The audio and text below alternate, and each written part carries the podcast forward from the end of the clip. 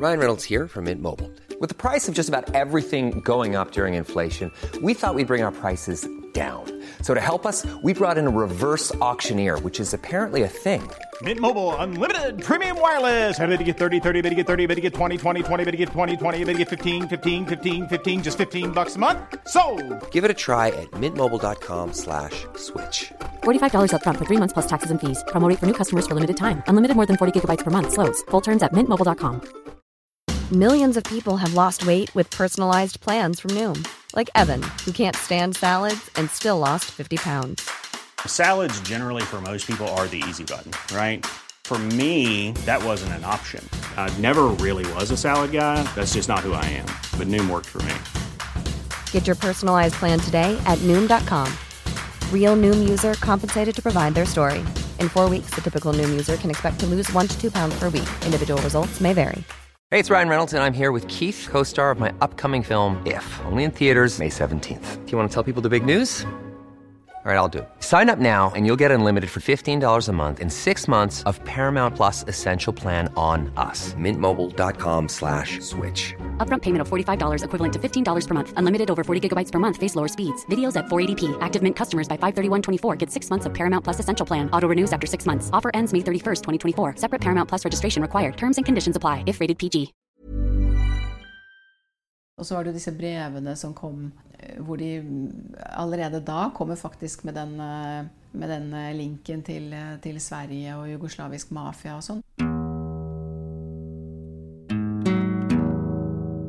Hei og velkommen til Ordremysterier. Jeg heter Halsten. Edsile. I dag skal vi ha en bonusepisode om mystiske dødsfall knytta til ordresaken. Ja, og det vi skal snakke om i dag, er rett og slett vitner som har dødd ganske kort tid før saken skulle opp, og på påfallende lik måte. Mye av det vi skal prate om, er ikke nødvendigvis våre egne teorier, men vi ønsker å belyse saken på bredest mulig måte. NRK Brennpunkt sine programmer fra 2009 er hovedkilden for mye av de opplysningene som kommer fram i episoden her. Men mot slutten av episoden så har vi en ny observasjon som vi har gjort. Og spørsmålet er om det er en ren tilfeldighet, eller om det faktisk kan settes i sammenheng med opplysningene som har kommet fram. Det første vitnet vi skal snakke om, det var Vetle Herskal. Det var en kamerat av Kristin Kirkemo. Han ble pågrepet sammen med Kristin i Østmarka tidlig i juni 1999 i forbindelse med skyting i skogen. Da ble begge tatt inn til avhør, og Kristin ble spurt om ordresaken. Og det var det som starta hele ordresaken på et vis. Etter pågripelsen så begynte jo politiet å fokusere på Kristin Kirkemo og familien, så han her ble jo ikke tatt med mer inn i ordresaken på noen som helst måte på det tidspunktet. Men han havna jo i fengsel ved en senere anledning, og da skal han ha møtt på Davor Smilagic. Hvem var Davor Smilagic? Davor var en person med tilknytning til det eks-jugoslaviske mafiamiljøet. Han var en eh, velkjent og skremmende torpedo som eh, flere folk eh, var redd for. Og han skal også ha hatt en tilknytning til Kristin Kirkemo. Fordi vi vet at begge visste de skal ferdes ganske mye på et utested i Oslo som hadde en tilknytning til det eks-jugoslaviske kriminelle miljøet. Utestedet het for Baron og Baronessen. Så vi vet jo ikke om de to hadde en spesiell kontakt, men de vanka i alle fall i samme miljø, da. Ja, det er ikke bekreftet at de møttes eller var kjent med hverandre, men det kan jo være en mulighet for det hvis de vanka i samme kriminelle miljøet. Ja, og det som er veldig interessant her, er at ifølge Vetle Helska så skal Davor ha fortalt han i fengsel at han hadde noe med ordredrapene å gjøre. Han sa vel rett ut til Vetle at han og to andre personer hadde vært på ordregård den natta. Men Vetle turte ikke å gjøre noe med disse opplysningene, fordi Davor var en torpedo og hadde et eh, rykte på seg for å være ganske skummel og gjøre masse fæle ting.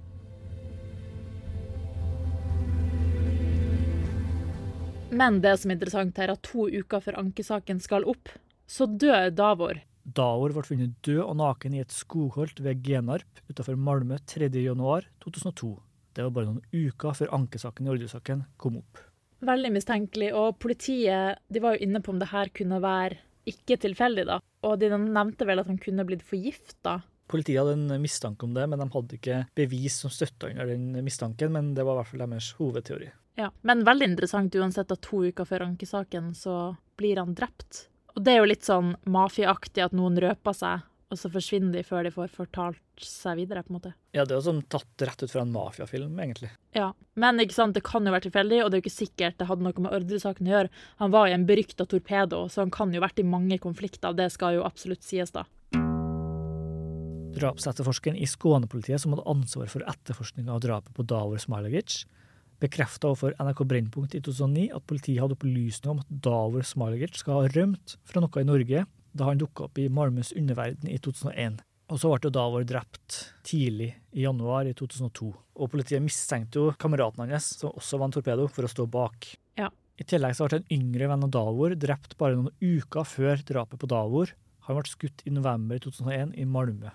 Og han kjente også den mistenkte bak drapet på Davor. Politiet i Sverige mistenker at samme person står bak begge her drapene. Det er også interessant at Brennpunkt hadde informasjon om at vedkommende skal ha operert i Norge. Og det er jo interessant at Davor skal ha sagt at han og to andre personer var til stede på ordregård, når vi vet at han hadde nære bekjentskaper med to andre torpedoer som også var fra Sverige. Og da snakker vi altså om kameraten til Davor, som døde noen uker før Davor, og deres felles venn, som politiet mistenkte for å stå bak begge de her drapene. Så kan det eventuelt være han og de to andre det er snakk om. Det er sant. Det her kan man eventuelt sette i sammenheng med opplysninger som Espen Orderud, fetteren til Per Orderud, fikk fra det kriminelle miljøet i Oslo i 2002. Espen Orderud fikk tidlig tips fra kriminelle om at to unge jugoslaver skulle vært frakta inn fra Sverige for å være med på drapene. Det her sa han i en episode av Brennpunkt i 2009 som het for Tiden for Orderud sakens glemte spor. Opplysningene han fikk, var at det var to fra Serbia eller rest-Jugoslava som var kommet inn fra Sverige, var i Norge i 24 timer, og så ble de geleda ut igjen. De har fått hjelp til å finne fram til stedet. For Sørumsand, og spesielt Orregård, det er litt vanskelig å finne fram til hvis du ikke er lokalkjent eller har vært der før. Så det kan jo være en rimelig mulighet for det. Et interessant poeng er at Espen Orderud har videreformidla det her til Kripos, og kontakten hans i Kripos bekrefter at han har hørt akkurat det samme. Så disse opplysningene har i hvert fall nådd flere personer enn bare Espen Orderud. Ifølge kilden til Espen Orderud hadde ikke Per Orderud noe med drapene å gjøre. For å dra litt troa, da, så kan man jo eventuelt se for seg at Davor har vært med på drapene sammen med to andre personer som har blitt geleida inn fra Sverige. Og som vi snakka om eh, i en YouTube-video vi la ut på Orderud-mysterien en uh, tid tilbake, så kom det jo et brev der noen pekte mot jugoslavisk mafia. Og et av de stedene som ble navngitt, er også samme sted som det her mafiamiljøet har opprinnelse fra i Sverige. Det er veldig interessant.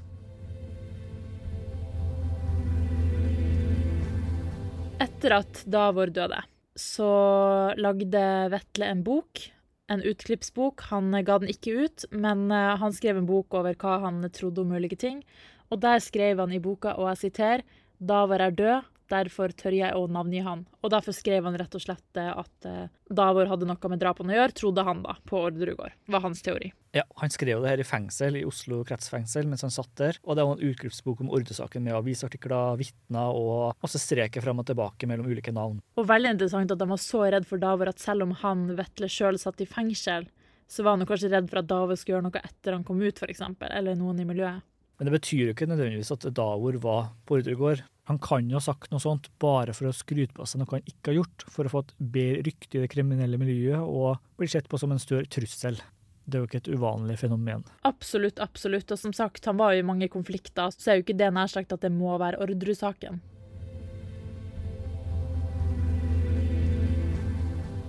Et annet interessant punkt når det gjelder Vetle, det er at han vitna for Kristin i herredsretten Ja. og støtta hun, mens i ankesaken så støtta han Lars Grønnerød og vitna imot Kristin. Ja, så han switcher rett og slett helt side. Han gjorde det, og han sa at han ikke kunne sitte og se på at den uskyldige mannen ble dømt, og da sikta han til Lars Grønnerød. Her kan vi også merke oss, uten at vi vet om det er en sammenheng eller ikke, at lagmannsrettens behandling av Ordu-saken var i 2002, og det var etter at Davor døde. Eh, Folk, Han var jo berykta, ikke sant, Davor. Og i flere av rettssakene mot han, så nekta vitner faktisk å møte opp fordi de frykta både han og miljøet han tilhørte. Så det er jo interessant. Ja, så det kan hende at hvis Davor hadde dødd tidligere, la oss si før herredsretten, så kan det at Vetle f.eks. hadde stått fram tidligere, da. Og det kan jo også gjelde andre vitner, at de kanskje ikke sto fram i frykt for at Davor skulle komme med represalier. Absolutt. Men eh, som sagt, vi vet jo ikke om Davor har funnet det her på. At han bare prøver å lage skremselspropaganda. Men hvis det er skremselspropaganda, så er det ganske grundig gjort. Da, for at det er jo flere uavhengige vitner ifølge Tore Sandberg, som har stått frem og sagt at Davor var en av gjerningspersonene på Orderud Mm. Han mener at det er snakk om ti uavhengige vitner. Advokatene til Kristin varsla at de skulle anmelde Vetle for falsk forklaring i den første rettssaken, men fem måneder senere så hadde ingenting skjedd rundt det. Og så var det en artikkel i Dagbladet i august i 2002 der han ble intervjua om det her. Hva skjedde da? Ja, dagen etter artikkelen sto på trykk, så døde Vetle i en bilulykke. Og så kan ikke du gå litt mer inn på hvordan det gikk for seg? Det som så beskriver er at bilføreren mista kontrollen i en slak i venstresving. Deretter skal bilen ha truffet et furutre høyt opp på stammen, og ferden endte mot en stor steinblokk. Det var en ganske dramatisk utforkjøring, rett og slett. Mm, absolutt. Og det er jo interessant, det er jo vanskelig å se bort ifra at rett før de skal fortelle noe viktig, så har de dødd. Ja, Vetle rakk jo aldri å fortelle offentlig at Davor var gjerningsperson. Det var jo noe politiet fant i hans utskriftsbok etter hans dødsfall, så han hadde ikke gått offentlig ut med den informasjonen sjøl. Så kan det være at det var noen som ville ha stoppe han i det, og som ikke visste at han hadde notert det her i et personlig notat. Det kan absolutt være spesielt. Ettersom han ble drept i en bilulykke, så oppholdt jo ikke han seg i fengsel eh, i den perioden, som vil si at det var litt lettere tilgang. Så kanskje han har røpt seg på et vis. Noen har hørt det her og tenkt OK, han må stoppes. Men det kan jo også være at eh, metoden for å drepe de da, hvis vi sier at det her var en eh, planlagt, denne bilulykka, da, så kan det jo hende at siden det var samme miljø, så var fremgangsmåten lik. Men det er som sagt ikke sikkert at det her var Orderud-saken. Det kan hende at Vetle også hadde konflikter innad i mafiamiljøet. Ja, vi har jo ingen holdepunkter for å si at det her er knytta til Orderud-saken. Bare at det er mistenkelige ting som er påfallende likt i et kriminelt miljø. Ja. Men det kan jo være andre konflikter det handler om. Det kan det. Og det, jo, det kan jo også være at noen så i en Dagbladet-artikkel å ja, han er ute av fengsel, ikke sant. Han gir et intervju til Dagbladet. Han er ute i livet. Vi skal ta han av dage. Selv om grunnlaget kan ha vært en annen konflikt. Ja, og Man kan jo også spekulere om hvis han ble drept, at det kan skyldes noe med at han switcha forklaring i rettssakene. At han gikk god for Lars i disfavør av Kristin, og at det var noen som ble sint på han pga. det. Mm. Han sa jo faktisk under ed 'Lars er uskyldig, det vet jeg', og det er jo ganske hardt å, å si. Mm. Jeg lurer på hva som sørger for at han endrer forklaring. Da må han jo ha ljugd i første rettsinstans. Ja, eller andre. Han må jo ljuge i hvert fall én. Kan godt hende han ljuger begge to, men én er uansett løgn. Når det gjelder her dødsfallet, så konstaterte politiet i hvert fall at det skyldtes høy hastighet. Og vi må jo få fram at det er en stor mulighet for at han bare kunne kjørt uforsiktig, eller at han bare var uheldig på et eller annet vis. Mm. Eller så kan det ha blitt dopa ned, eller noen som Tukler med bremsene, et eller annet i bilen. tukler med hjulene, et eller annet. Ja. Og hvis vi skal gå så langt i å spekulere, så vet vi jo at det ene attentatforsøket mot Anne, det første på en måte offisielle, handler om at noen prøvde å tukle med bilen hennes samt et sykkelhjul. Ja, da snakker vi om sykkelhjulet til ektemannen hennes, Per Paust. Han hadde sjøl oppdaga at sykkeldekket var tomt for luft forut for det første attentatforsøket i 1998. Ja. Det kan jo hende, som Per Paust hadde en teori om, at en eventuelt gjerningsperson hadde tukla med dekket, sånn at Per Paust ikke skulle sykle til jobb den dagen, men ta bilen istedenfor. Fordi det var som kjent festa en bombe under bilen. Og det skal vi gå nærmere inn på i episoden om attentatforsøkene. Ja. Men eh, det, som sagt, blir jo i alle fall eh, spekulasjoner. Men det er interessant at to vitner som har uttalt seg om Orderud angivelig Davor kan jo ha funnet det på, men uh, uansett påfallende.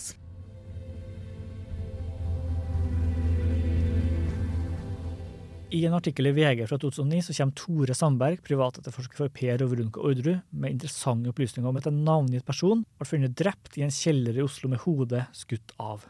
Tore Sandberg opplyser om at den drepte personen angivelig skal frakte bort våpenet etter Orderud-drapene, og at han senere ble funnet skutt. Han hadde også snakka om en annen person som kunne knyttes til Orderud-saken, som senere ble funnet døende i Molde. Men det må presiseres at det ikke står i artikkelen hvorvidt dødsfallet her var naturlig, eller om det var et drap. Disse opplysningene ble presentert foran hundrevis av journalister på Scoop-konferansen i Tønsberg i 2009. Og det er altså Stiftelsen for en kritisk og undersøkende presse. It's that time of the year. Your vacation is coming up. You can already hear the beach waves, feel the warm breeze, relax, and think about work. You really, really want it all to work out while you're away. Monday.com gives you and the team that peace of mind. When all work is on one platform and everyone's in sync, things just flow wherever you are. Tap the banner to go to Monday.com. If you thought the only way to get a more defined jawline with natural looking results was through surgery, think again. Juvederm Volux XC is a non surgical injectable gel filler that improves moderate to severe loss of jawline definition and can help you achieve natural looking results with little downtime. Even better, this improved definition lasts up to one year with optimal treatment. No maintenance required. Improve jawline definition for a smooth, sculpted look with Juvederm Volux XC. For important safety information and to find a licensed specialist, visit juvederm.com. That's J U V E D E R M.com. Not for people with severe allergic reactions, allergies to lidocaine, or the proteins used in Juvederm. Common side effects include injection site redness, swelling, pain, tenderness, firmness, lumps, bumps, bruising, discoloration, or itching. There's a risk of unintentional injection into a blood vessel, which can cause vision abnormalities, blindness, stroke, temporary scabs, or scarring. Talk to a licensed specialist to find out if it's right for you.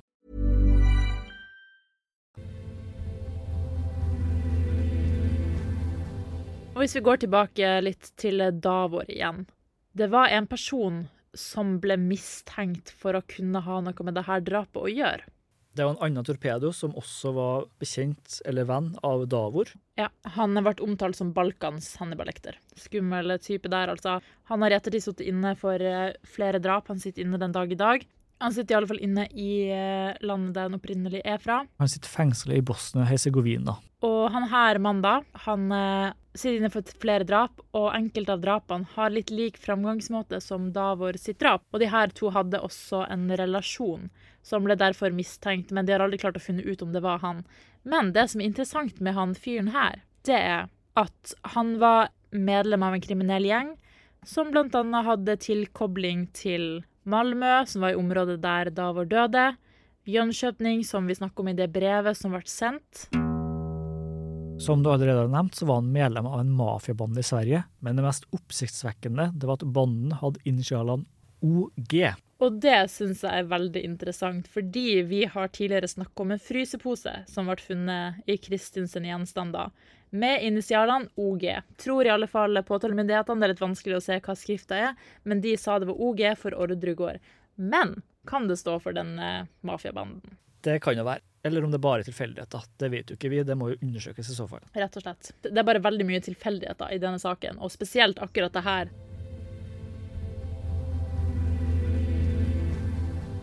Når det gjelder den banden her, så hadde de tilholdssted flere steder i Sverige. Annet i Malmö, hvor Davor ble funnet død, og i Jönköping. Og hva var spesielt med Jönköping, Silje? Det var det stedet som ble navngitt i eh, brevet for noen år siden, der de rett og slett skrev at det var jugoslavisk mafia som hadde noe med drapene å gjøre. Det var veldig spennende. Og det sto også i brevet at uh, avsenderen hadde en mistanke om hvem som sto bak, og at det var en kriminell gjeng i Jönköping. Og avsenderen mente at politiet burde undersøkt det nærmere. Så det er jo veldig interessant. Vi har spurt Veronica Orderud om de her sporene til Sverige. Og så var det jo disse brevene som kom, eh, hvor de allerede da kommer faktisk med den, eh, med den eh, linken til, til, Sverige og jugoslavisk mafia og sånn, som også da bærer preg av at de er skrevet på svensk og også peker på faktisk en konkret adresse i Sverige. Og den sjekket jo politiet aldri ut. Og når Tore har sjekket ut denne adressen nå, så viser det seg jo at det er faktisk fortsatt er folk som bor der, som har tilknytning til kriminelle nettverk i Sverige. da. Det brevet ble sendt til politiet i Lillestrøm bare noen dager etter trippeldrapet i mai i 1999. Men det ble aldri tatt seriøst eller etterforska nærmere. Men det er jo interessant at det er nok et sammentreff mellom banden og stedet og brevet, som ikke er etterforska godt nok. Ja. Hva tror du er hovedgrunnen til at politiet ikke interesserte seg for de her sporene til Sverige? da? Nei, Jeg tror de bare hadde bestemt seg. Og jeg tror på en måte det føyer seg inn i veldig mange av disse drapsetterforskningene fra 90-tallet. Altså De bestemte seg med en gang, og så kastet de bare vekk alt annet, og så fulgte de det sporet. Eh, og alt som da ikke passet Altså De hadde laget en teori, og alt som ikke passet inn i den teorien, det bare fjerna de. Istedenfor å, samle bevis, og så ut fra bevisene se hva som kunne være, være tilfellet.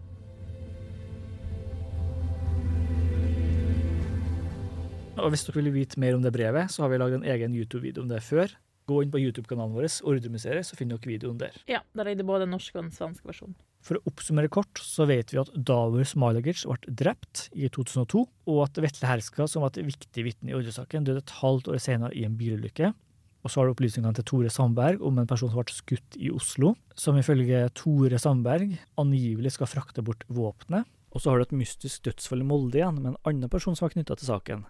Så da har du fire dødsfall som enten direkte eller indirekte kan ha en kobling til Orderud-saken. Takk for at dere hørte på. Det var alt i dagens episode. Neste gang så skal vi snakke om attentatforsøkene mot Anne Orderud Paust og Per Paust. Hvis du likte episoden, gjerne gi oss fem stjerner, eller så kan du følge oss på SoMe.